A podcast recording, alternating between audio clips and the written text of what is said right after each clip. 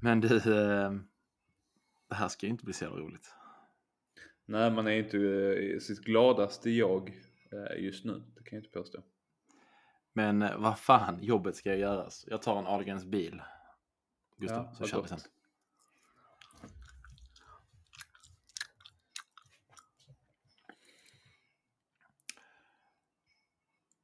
Då säger vi...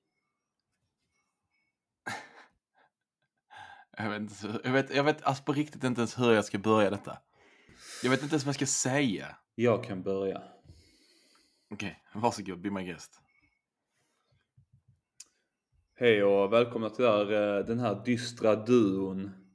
Gustav och Martin sitter här dagen efter eh, Norrköping. Vi, vi har suttit en stund och och funderat på hur vi ska inleda det här för att vi vet egentligen inte riktigt vad vi ska säga. Eh, men känner väl någonstans att vi vill spela in.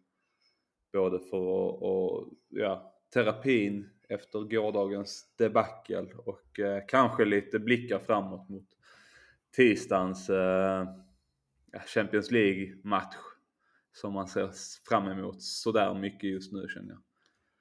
Jag vet, jag vet, inte heller riktigt. Alltså, jag har försökt bearbeta det här hela dagen eh, på något vänster. Liksom varit på tivoli, jag har sett på fotboll, jag har sett på paddel, jag har spelat paddel. Och Allting har bara varit skit. Förutom tivolit. Det var faktiskt ganska roligt i, i Lomma. Och se lite folk ute i byn. Men, men jag vet inte, alltså. Fan vad jag mår dåligt. Jag mår riktigt dåligt när, när MFF förlorar på det här sättet. Eller ja, klyschigt, förlorar poäng. Och jag vet inte, jag vill fan börja någonstans i, i den här domarmisären en gång till. Alltså, vi har haft en harangen när det var Glenn Nyberg förra gången också. Eh, och jag tycker Johannes skrev det bra på Twitter eh, till mig när vi, när vi pratade innan idag.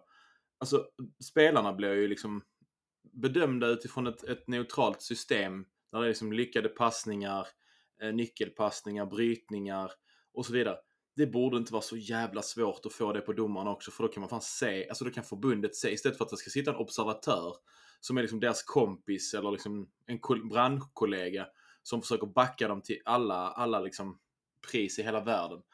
Det måste ju till något sånt system för att, för att det, det går ju inte att det fortsätter så här Gustav. För att det låter jävligt gnälligt och det är kanske inte likt MFF och MFF-are att ha så mycket fokus vid det. Men det är liksom inte en gång, det är inte två gånger. Det börjar bli liksom en, en, en sjukt dålig vana att domarna tyvärr inte gör, gör vad de ska.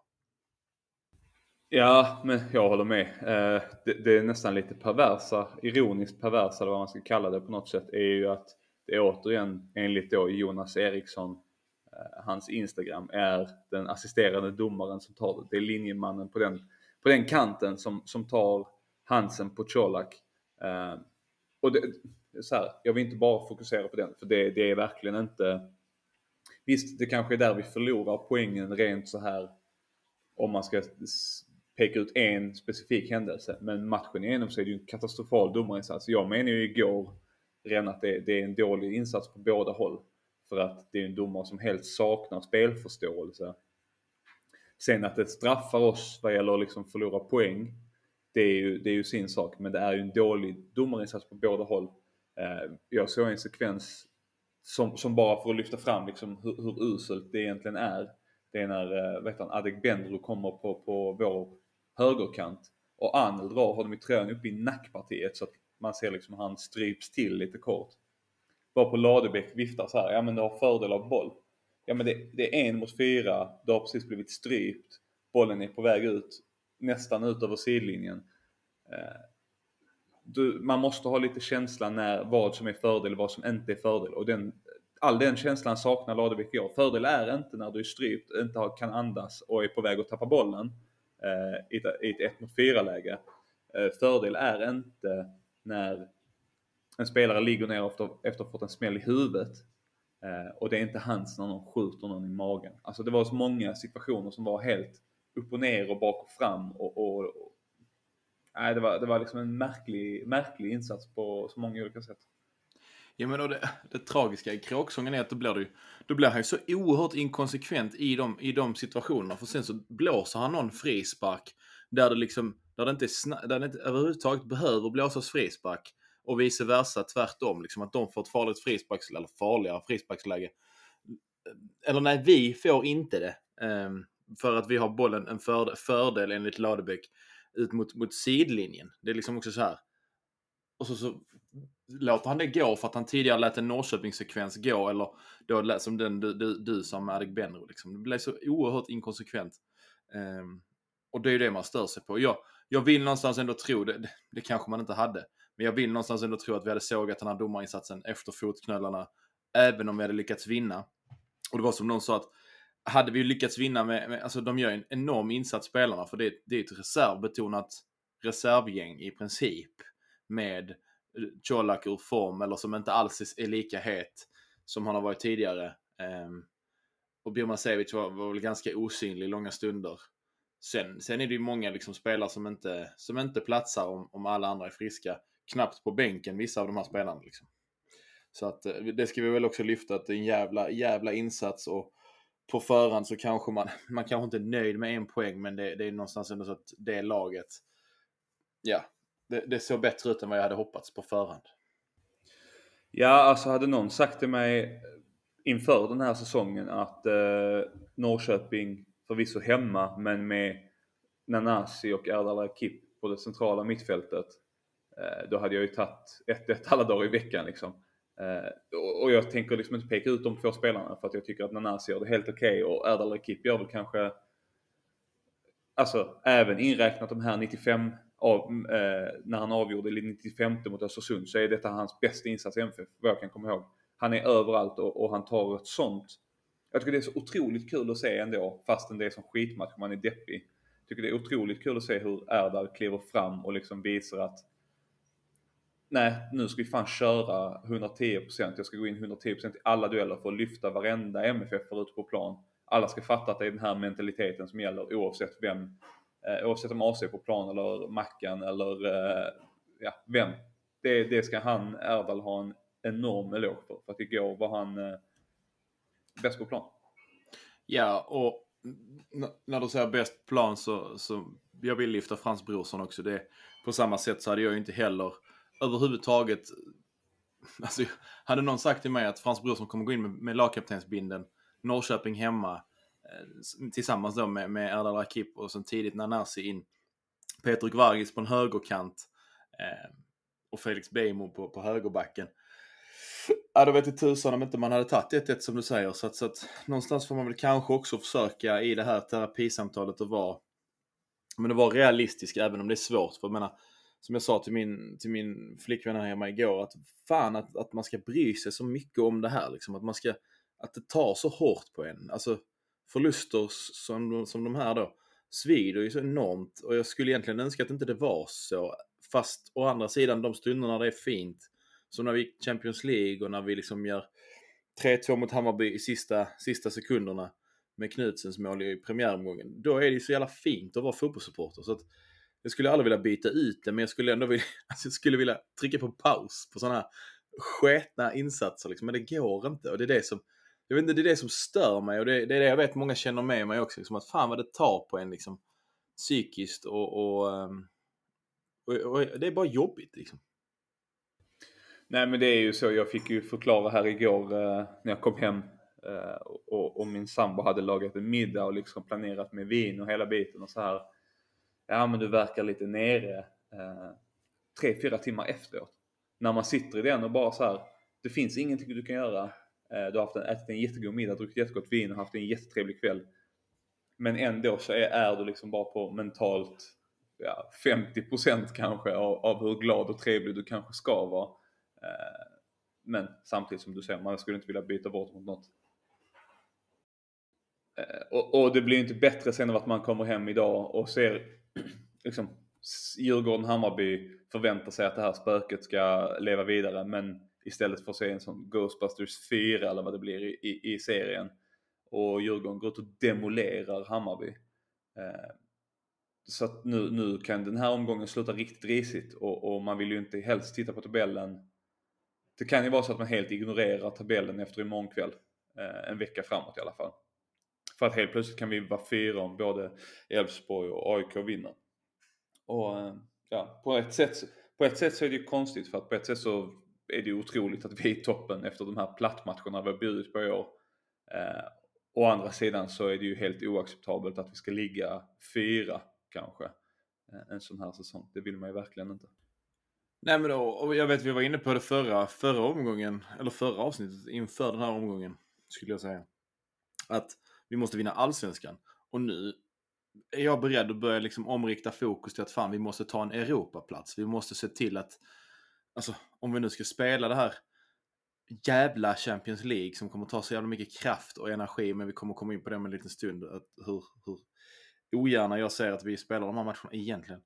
Så, ehm, så gäller det kanske att vi har lite buffert ner mot, mot Elfsborg och, och då helst kanske till och med Djurgården också. Och kanske då jaga AIK som jag inte tror kommer vara... Ehm, Eh, vara alltså jag tror inte de kommer gå att stoppa. Alltså jag tror de kommer rulla på som tåget här nu. Eh, kunde Djurgården städa av det här spöket med derbyn så, så kommer vi säkerligen att se eh, AIK vinna i Malmö i, eh, i höst. Fan vad det ja, men det, det, är ju ett, det är ett tufft schema. Uh, vi har tuffa matcher men det har de också. Det, och det är väl det där man får, får uh, luta sig mot nu. Att vi har både Djurgården och AIK på hemmaplan och det är väl där vi får någonstans se till att liksom Ja det är ju den klassiska sexpoängsmatchen som man pratar om så mycket inom fotbollen. Eh, och, och, jag menar på ett sätt så tycker jag att det är ganska bra med Juventus-matchen här nu. Eh, för att se vad man vill om Champions League och vad det betyder och hur mycket spelarna kanske fokuserar på det i onödan. Så kan det ju vara en sån injektion om matchen nu går, inte helt käpprätt åt helvete i alla fall, så kan det vara en injektion i, i moral och ambition i spelarna. Eh, att de trycker på och får den här energiboosten till Allsvenskan, till Djurgården-matchen. Eh, men det, det, blir lite så, man greppar efter halmstrån ibland känns det som att eh, för att hitta ljusglimtarna. Ja, nej men och jag tänker just ur ett allsvenskt perspektiv, det är liksom, det går, det går, det går lite in i vartannat med, med eh, Champions och eh, med allsvenskan. Men, men som du säger, just det här att, att vi har dem hemma, absolut, i, i eh, i de bästa av världar så är det ju liksom att vi tar tre poäng och de tar noll på de två matcherna. Men sen samtidigt så, så är jag rädd att inte det räcker. För att det är liksom, någonstans tittar jag på AIKs spelschema så ser jag det som den, den, den svåraste matchen. att och ha oss Malmö borta. Och jag menar, det, är det den svåraste matchen och de sen i övriga matcher snittar någonstans 2-2,5, ja då, alltså, då blir de fan svåra och eh, svåra att komma ikapp alltså. Vinner de nu så är de ju 6-7 poäng före. Inte 6 eller 7, jag vet inte. Men ja. Om man ska försöka hitta något positivt så får man väl ändå se att det är rätt mycket kvar att spela om. Eh, man kan väl hoppas att vår formsvacka är slut nu. Eh, eller att den börjar, börjar ta slut. Och att de andra lagen fortfarande har sin formsvacka kvar. Ehm, och, och, nu kan man väl argumentera för att Djurgården precis har varit inne i sin också och kanske döda den idag. Ehm, så att, så att helt plötsligt blir man lite mer negativ direkt. Men ja, samtidigt. Ja, om vi ska ta lite, lite positivt eller lite så här om matchen så tycker jag att överlag är det en ganska bra insats. Det som oroar mig kanske allra mest på något sätt som, som faktiskt är i våra händer. Det är att Colak har blivit ganska kall framåt. Eh, och med ganska kall så menar jag väldigt kall. Han eh, det, det, man märker att han jagar det här målet och det är väl lite, gör att han blir lite lidande i spelet och att spelet blir lite lidande för att ja, allting ska gå runt eller till honom. Eh, så att där känner man väl lite så. Kan han göra en bra insats eller få en assist eller göra ett mål igen så det börjar ticka på igen för att det stimmet han var inne i för ett tag sedan, då är han ju en av allsvenskans kanske bästa spelare. Eh, så att man vill gärna få in honom där igen. Ja men det, det är jätteviktigt som du säger. Alltså, den detaljen är ju någonting vi måste, måste bara försöka lösa på någon vänster. Att, att få Colak att göra det där målet. Jag menar han har, vad har han, två stolpen, en i ribban. Det är ju ändå som marginaler ut. Men någonstans så förtjänar man ju det flytet som han hamnar i när han, när han, när han jobbar bra, när han gör det bra, när han river och sliter och, och, eh, och är, är den rörliga forwarden. Så att någonstans måste han måste han få hjälp av lagkamrater också. För jag tror att, tror att det handlar mycket om det. Men, en, en, två, andra, två andra reflektioner. En som jag tänkte på direkt när du sa det här med mål. Och så, så kom jag på att en straff hade varit perfekt att få, få, få i det här läget. Så att Colak kanske enkelt kan, kan, eh, kan göra mål. Det är att Birman Sevic får ju aldrig straff. Alltså, nu, nu är det en stillbild, men det är, det, här, det, är en, det är en hand i huvudet då när han trillar i straffområdet. Det känns som att domaren har bestämt sig också där att, fan nu kommer jag tillbaka till domaren, skulle jag inte göra. Eh, att de har bestämt sig att han är en filmare, att han lägger sig för lätt och därför får han aldrig någonting. Så det, det är, också, det är också jävligt störigt för att det känns inte som att han är en filmare. Utan det känns som att han, han har så pass låg tyngdpunkt när han spelar, spelar eh, fotboll och snabb och rörlig. Att, att han liksom, han har lättare för att trilla för att han, han ligger där nere där han ligger liksom. Men, eh, jag vet inte. Det, det känns bara jobbigt med Colak att se. Ja, men eh, det du är inne på med Birmancevic där är, är ju att, som jag tycker är lite märkligt. Det, visst, han är en snabb spelare och ibland ser det ut som att han faller extremt enkelt. Det kan jag faktiskt hålla med om. Men som du är inne på, med den, den hastigheten som han har ibland. Och få en hand upp i ansiktet eller få en tröjdragning eller en spark på benet. Det, det är klart att man ramlar. Det jag tycker är lite tråkigt med, med den straffen som blev igår. Eh, det är att det är en konstig nivå att lägga sig på. Och dra den straffen. För att visst, det är en sak om, om den här spelaren, jag vet inte ens vem det var som, som Rex drog ner hade varit liksom, den som tog bollen. Men bollen redan borta. Alltså oavsett, spelar de den situationen tusen gånger, Rex drar inte ner honom, så kommer bollen aldrig till den spelaren till den ytan ändå. Och det är det jag tycker är lite, det är en farlig väg att gå och börja blåsa för de situationerna. För att helt plötsligt, ja men är det straff om, om eh, ja, det är en tröjdragning i bortre delen av straffområdet och bollen är redan på väg ut mot inkast. Är det straff då? Nej, kanske inte. Och, så att, nej, jag tyckte det är en lite, lite märklig eh, situation. Och blir ännu märkligare då när man ser eh, Birmancevic situationen till exempel. Men, men kan vi vara överens om att, att Malmö FF inte utnyttjade den horribla straff de fick? Alltså de, de borde ha lagt sig både två, och tre och fyra spelare i straffområdet på, på, på, otroliga touch, alltså som knappt fanns. Varför letar... Det var det enda gången vi var i en straffsituation, var ju när Birmancevic faktiskt skulle ha straff på riktigt. Där det inte ens var en filmning. Och jag menar, det hade ju räckt med en gång eller två gånger till. Där man, där man faller lätt i straffområdet. Alltså jag skiter faktiskt i om det är... Eh, vad ska man säga? Man fuskar sig till eller om någon annan skulle vilja ha, ha eh, något rättvisepatos som, som då ja, men, säger att det är fel att göra så. Man, alltså, man vinner matcher på det. Alltså, är domaren så jävla usel att han inte kan regelboken som du är inne på, eller alltså, att han inte kan lägga det på en rimlig nivå. Nej, då får, då får man ju lägga sig själv på den nivån också. får man ju anpassa sig efter det.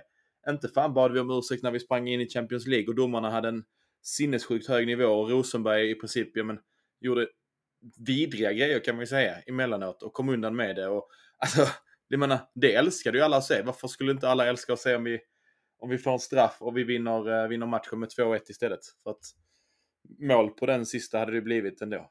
Nej, så är det ju. Det är, och jag tillhör gruppen som, som ser att det är en enorm skillnad på filmning och förstärkning. Så jag har ju ingenting emot att en spelare lägger sig billigt och enkelt för, för att få en fördel. Uh, och där är man ju supporter så att jag kommer alltid tycka att jag tycker, jag ska, tycker alltid att spelare ska göra det yttersta för att vinna, även om det innebär liksom ta eh, motståndarnas dobbar över knät för att få en straff. Eller om det är att man kanske lägger sig lite enkelt efter en tröjdragning. Det tycker jag att MFF ska göra, men jag kommer avsky om motståndare gör det, för att så enkel är man ju. Men eh, ja, vi ska, vi ska sluta prata om sådana situationer. Ska... Innan den, jag tänkte bara avsluta Adam Ladebäck och domar, domargrejen. För jag såg nu precis innan vi skulle spela in att han, eh, att han liksom går ut i en intervju och, och medger att bollen tar på, på bröstet och så vidare. Och sen så går man, liksom, läser man längre ner där eh, där han då får frågan om, om, om en situation, en bedömningssituation. Och det, så här, det, vill han inte ha, eh, det vill han inte ha någon kommentar om, för det är en bedömningssituation. Men det är precis det man hade velat önska av domarna att de faktiskt gör. Just bedömningssituation. Ja, där bedömde jag kanske rätt, där bedömde jag kanske inte eh, rätt och så vidare. För att också påvisa någonstans att det, det är faktiskt inte helt lätt alltid, alla gånger. Men nu är det bara så, ingen kommentar. Och ingenting efter, aldrig någon domare som ställer upp längre. Nej, jag vet inte, det blir ju, det blir ju, eh, det blir löjligt. Ja, nej, så är det ju. Jag tycker att det på, på ett sätt, man ska inte prata, lägga för mycket vikt vid, vid domare eh, kanske. Men på ett sätt så gillar jag att eh, Jonas Eriksson är i studion och, och faktiskt tar det utifrån hans kanske vinklade perspektiv men, men jag tycker det är ganska rimlig grej egentligen att prata om. För att även om, även om vi kan sitta här och säga att det, det var fel och som Ladebäck också säger att det var fel så kan det vara rätt bra att höra ibland vad ska man säga, enligt regelboken vad som faktiskt står. För att det har ju inte vi koll på som supportrar. Vi har inte koll på vad som står i, i regelboken. Nej, men, och, nu ska vi, sen ska vi släppa det helt, ska vi prata lite Juve. Regelboken, det är när han plockar bollen, eh, bollen precis på linjen. Hans, hans fötter är tydligt på linjen. Målvakten plockar bollen utanför. Visst fan måste det vara frispark? För att det finns ju inte en chans att om fötterna, om fötterna är på linjen, alltså nästan över linjen, då kan ju inte mage och, och, och boll, alltså han kan inte hålla bollen innanför linjen då.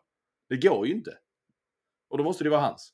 Ja, jag har inte sett den situationen eh, på TV eller någonting. Så jag bara, jag eh, står ju på andra sidan straffområdet eller vad man ska säga, på ståplats. Eh, så jag har inte sett den. Men det, det kändes verkligen som att där kunde man verkligen ha blåst för att han var utanför. Det kändes som att han var utanför med, med överkroppen, precis som du säger. Men sen hade det ju inte blivit, det hade inte blivit rött kort. För det var inte en målchans på det sättet. Som Nej. den, eh, var det Ludogorets? Nej, det var i Rangers. Rangers. Det, det, är inte samma situation. För där blir det ju mål om, om han inte tar dem i händerna. Här hade det blivit gult kort och sen indirekt frispark där ute, så det hade inte heller gjort. Tror jag i alla fall. Det är inte ett matchavgörande Nej, beslut. det hade väl blivit indirekt frispark ja. om jag inte är helt ute och cyklar på regler, reglerna nu. Ja, hans. Och, och, och, gult kort som du säger. Så att det Eller, hade ju inte jo, för det hade varit utanför man hade fått frispark. Nej. Det är en, det är en luddig regel. Ja, det är en luddig regel. För hans i straffområdet på utspelare är ju... Men målvakten kan inte ta med händer innanför straffområdet. Så det måste ju vara frispark utanför ju. Ja men det, det är rätt logiskt ju. Ta, ta, ta, ta, ta försvara med handen på straffområdeslinjen. Eller utanför precis. Så är det ju frispark. Och gult kort. Samma hade det varit för målvakten här. Så det hade inte, det hade inte som du sa, det hade inte varit matchavgörande. Men den är ju ändå, den är ändå kategorin... Ja. Frågetecken. Precis. Innan, innan vi går in på Juventus ska jag bara ställa en fråga för att se lite vad du tyckte om, om, om den här spelaren. Eh, och det är Peter Gvargis insats. Jag har sett att han har fått ganska mycket kritik av ganska många. Eh, jag, jag stod ju som sagt på stå så att man, ens, ens uppfattning blir lite konstig för att han, han anfaller åt andra hållet. Eh, så att ibland uppfattar man saker, saker kanske lite, lite, lite fel. Jag tycker att hans insats är helt okej. Okay. Den är liksom inte, eller helt okej, okay. ingen var särskilt bra i första halvlek eh, på något sätt. Men jag tycker inte att hans, hans insats är så dålig som vissa vill få det till. Det finns ju klart saker man vill se bättre i framtiden men eh, för en första start helt okej okay i min värld. Ja, jag tycker någonstans man kan dra paralleller till eh, Sebastian Anasis första liksom, insatser också i, i, eh, i A-lagströjan i Allsvenskan. Liksom. Inte de cupmatcherna där han var som en virvelvind och gjorde vad han ville med motståndet. Utan de när han fick starta allsvenskan och, och fick spela liksom längre än 10 minuter. Jag tycker någonstans att, att man såg att det var något spännande. Det Peter Gragis gör som inte Jo Inge Berget gör på högerkanten, det är att han går mycket, mycket inåt med en vänsterfot som ändå hotar sen att okej, okay, skotten är inte satt och Alltså det är svårt att klandra någon då. Alltså, han kommer till avslutslägen som kanske inte är hundraprocentiga varje gång, men han kommer dit och han, han, han är med och, och, och, skapar, och river, river liksom i försvaret och ställer frågor när han går in i banan och hotar med vänsterfoten. Så jag håller helt med dig att första, första 20-25 så är han kanske den spelaren som ändå kanske är på, på godkänt plus och sen så faller han lite ur när övriga, när övriga MFF blir bättre. Och det är väl det som jag tror många kanske ändå tar med sig och, och, och, och ser att han inte att han inte gjorde lika mycket på, på, det, på det offensiva. Och, och, och ehm, så de sista 20 i, eh, i halvleken när MFF blev bättre som lag. Och sen är det ju tyvärr defensiven som, som, som, inte, som inte klickar riktigt än. Så att, äh, det är lite synd, lite synd på en sån spelare som hade varit, mått bra av att göra en riktigt bra insats och, eh, och kunna ta med sig det till, till de allsvenska matcher han kommer behöva spela nu när vi har dels skador men också liksom det här att det kommer slita mycket. Men, men det är ju en spelare som man känner kan växa med, med tiden, växa med lite förtroende. Så att eh, jag tror att eh, jag tror att vi kan ha riktigt bra spelare på gång där faktiskt. Vi har också vunnit SM-guld precis som Bosse Larsson och Christer och alla de här. Men eh, med det så släpper vi Norrköping och släpper väl fokus på allsvenskan för några minuter här och fokuserar istället på, på Champions League och på Juventus som står för ja, tisdagsmatcher. Jag säger som så här att det finns inget bättre läge för MFF att möta ett lag som Juventus på hemmaplan än vad vi har just nu. Håller du med? jag, trodde, jag trodde på riktigt du skulle säga något mer, eh, mer punchline där. Alltså, på grund av det här, det här och det här. Uh, jag, jag, kom, jag, jag kommer till uh, motiveringen sen. Ja, ja okej. Okay, ja, ja. Nej, men det, det, det, det är lugnt.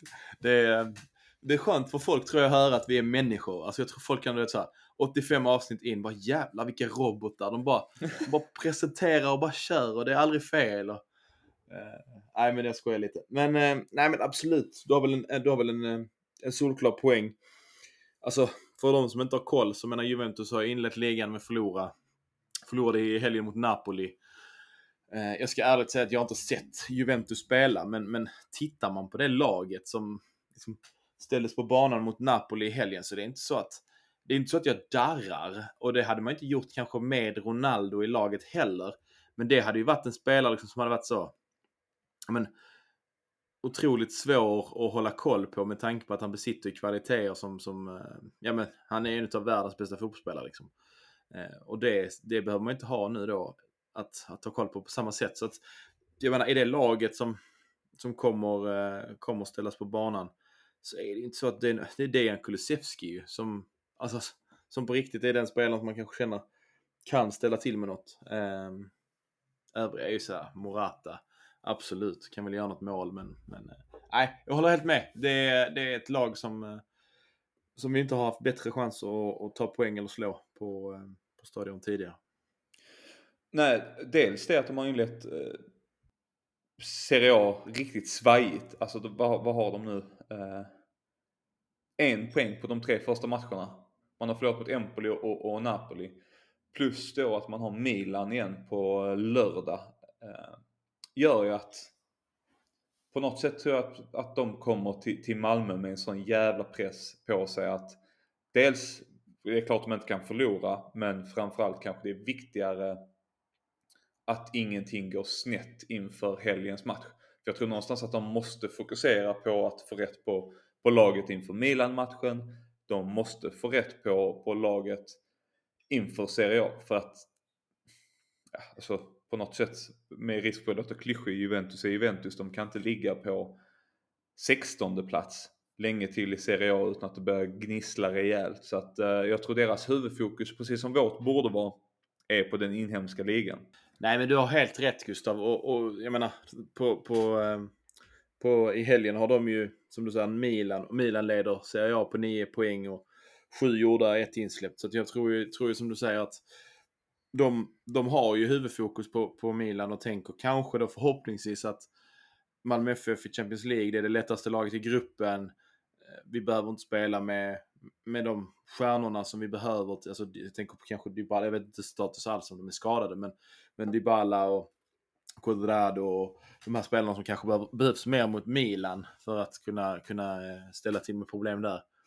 Eh, och det gör ju att då har vi kanske en chans. Sen är det ju så, det är fan vad pissigt att inte det är fullsatt. Det som vi snackade om sist liksom. Tänk vad, tänk vad sjukt om de hade sagt, ja men måndag den 13 september, kör. Så, så hade vi kanske haft ännu mer tryck på stadion och ännu mer publik. Men, men eh, ja, vi ska inte sörja. Du har väl också biljett? Ja, det har jag. Efter många om och men så har jag fått tag på biljett. Eh, sen måste jag bara fläcka in med det att så här, någonstans måste vi kanske vara realistiska. Eh, och, och, faktiskt komma tillbaka till att Juventus är ett lag som har ett truppvärde på jag vet inte hur många miljoner mer än vad vi har. Eh, de har liksom omsätter, jag vet inte hur många miljoner mer än vad vi gör. Så att visst, vi kanske låter lite eh, som att vi sitter här fulla av hopp och, och, och tror om att det faktiskt kan bli Malmö-seger eller, eller ett bra resultat för Malmö. Men någonstans måste man kanske ha det med sig i bakhuvudet att Juventus är ett lag på förhand som oavsett om de ställer upp med eh, Morata och Kulusevski och, och eh, Locatelli så är det ju ett lag som är ett, ett steg framför MFF i alla fall om man ska vara lite, lite kaxig fortfarande. Så att eh, tuff match men, men eh, verkligen eh, bättre läge har vi inte att faktiskt hota dem rejält idag. Eller på, på tisdag. Nej, men för att jag menar så är det ju. Jag menar, kollar du på, på våra tidiga Champions League-matcher så menar Atletico Madrid kom hit och de vann med 2-0. Men vi gör kanske den absolut bästa matchen någonsin rent spelmässigt mot, mot sån dignitet av motstånd. Så att, så att, jag menar, det är ju det som vill till fortfarande. Det förstår ju både du och jag och alla som lyssnar att det är inte så att det kommer gå lätt bara för att de är en svacka och som du säger. Men, men gör man liksom den hundraprocentiga insatsen och, och AC nu som fått vila, Berget som har fått vila. Ja men det är de som kanske kan dra igång det här och, och eh, låt säga att Johan Dahlin är tillbaka mellan stolparna som, alltså inte för att, för att Diawara har varit dålig utan mer det här rutinen och rutinen och, och liksom vetskapen om vad det innebär i de här situationerna. Så, så eh, och vi prickar liksom rätt och stjärnorna står rätt på tisdag så, så det är då vi tror att, att det kan, eh, kan, eh, kan bli saker. Men, men ja, som du säger, vad, vad är det? 640 miljoner i transfervärde kontra 26 i Malmö FF. Så att eh, man ska nog vara lite realistisk och fatta att, och då har de ändå sålt liksom Ronaldo. Eh, så att, så att nej, det är helt sjuk, sjuka astronomiska skillnader men men det har vi ju liksom, någonstans har vi kunnat göra det en gång tidigare. Så det är det jag tror att många, många malmöiter också måste bära med sig att, att, att det kan gå. Och det, det vill till att vi, eh, att vi stör och stökar och står upp och sjunger. Det har vi tjatat om och fan vad det börjar bli uttjatat. Men någonstans är det ju supporterns eh, kall i livet och det är det, det är det vi måste göra. Ja, och framförallt kanske de här som har platser vid, vid hörnflaggor och, och längst längs sidlinjen som alltid kan dra någon, eh, någon svordom eller någon, eh, något hets mot hörnläggaren eller inkast. Kasta saker! Ja, kanske inte kasta ölflaskor och, och, eh, och liknande. Det, det, kan ju sluta riktigt illa. Men, äh, men eh, återigen ett stort kollektivt eh, supporteransvar har vi. Men om man ska prata MFF så, så tycker jag det är ganska skönt också, även om vi, vi nu kanske lyfter fram Gvargis, att han har någonting i sig att eh, Berget är tillbaka och AC kan spela. Eh, att både Moisander och Lewicka, även om jag inte vet status på dem, har i alla fall är, ja, vad blir det, tre, fyra dagar extra eh, rehab. Det, det lugnar ju ändå något, känner jag. Nej, men oj, en grej jag kom på nu som jag inte tog innan när vi diskuterade allsvenskan och matchen. Men en grej som var lite så, det var lite oroväckande och det var lite många gånger man har sett det nu de senaste matcherna när vi har varit ganska kassa det här att alltså havet som blir när vi sätter sån enorm press. Jag, jag tror inte vi gör det mot Juventus på samma sätt eftersom att de kommer ju vara ett, ett spelförande lag som vi kommer göra vår initiativ till. Men, men jag tänker på jag tänker ju hela tiden Allsvenskan och Djurgårdsmatchen. Att fan, alltså vi, vi kan inte släppa sådana ytor på mitten. Trots att Adalakip var bäst på plan som du och jag var inne på innan. Så, så var det ju enorma ytor att spela upp och vända upp i, i, på vårt mittfält. Och det känns lite jobbigt med tanke på liksom spelsättet och, och med formationen vi har att, att det ska inte få gå så enkelt som det, som det ändå går. Och, och det ska väl kanske lite bli intressant att se om vi kan ta med oss någonting från Juventus-matchen till, till Djurgårdsmatchen senare i veckan. Av att kanske låta dem få ta initiativet. Att ge, ge över lite av bollinnehav och spel till Djurgården så att vi inte behöver föra föra spelet helt och hållet. Eh, kan man träna lite på mot Juventus nu? Att ligga lite lågt och ligga lite mer på omställningar, ha lite men ha lite tankar och idéer vad man kan göra när man, när man vinner boll istället för att be behöva vinna boll högt. Um, så att man ligger lite mer kompakt och lite mer tight med laget. Uh, hade jag önskat att se både på tisdag och, och på lördag faktiskt.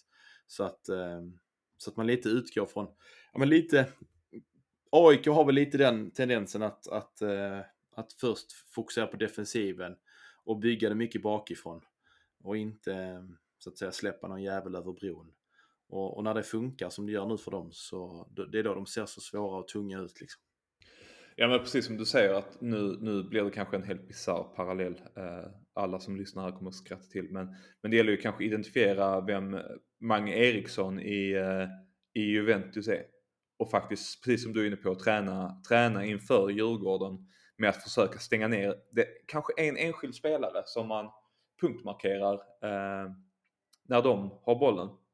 Eh, jag vet verkligen inte vem det är i Juventus men, men det kan vara bra sak att träna på inför Djurgården för att där har de en spelare som är så enormt tydlig bäst i laget, eh, styr egentligen allting offensiven. Det är Magnus Eriksson som stod för ett mål och, och två assist eller något sånt eh, i dagens match mot Hammarby. Så att, eh, ja, instämmer helt och, och ja, Juventus får man väl se som en utbildningsmatch.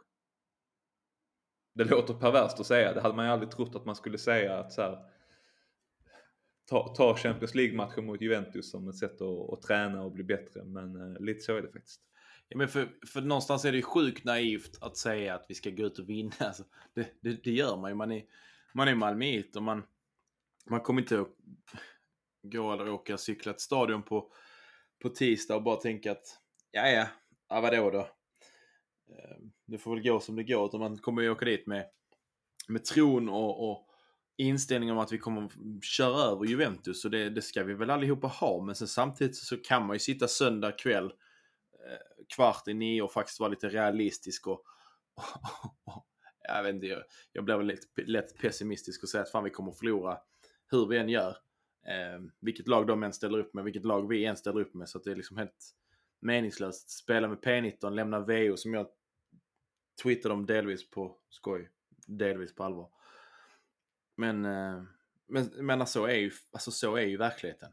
Det är Juventus. Alltså det är liksom Italiens bästa lag de senaste eh, 5-10 åren. Liksom.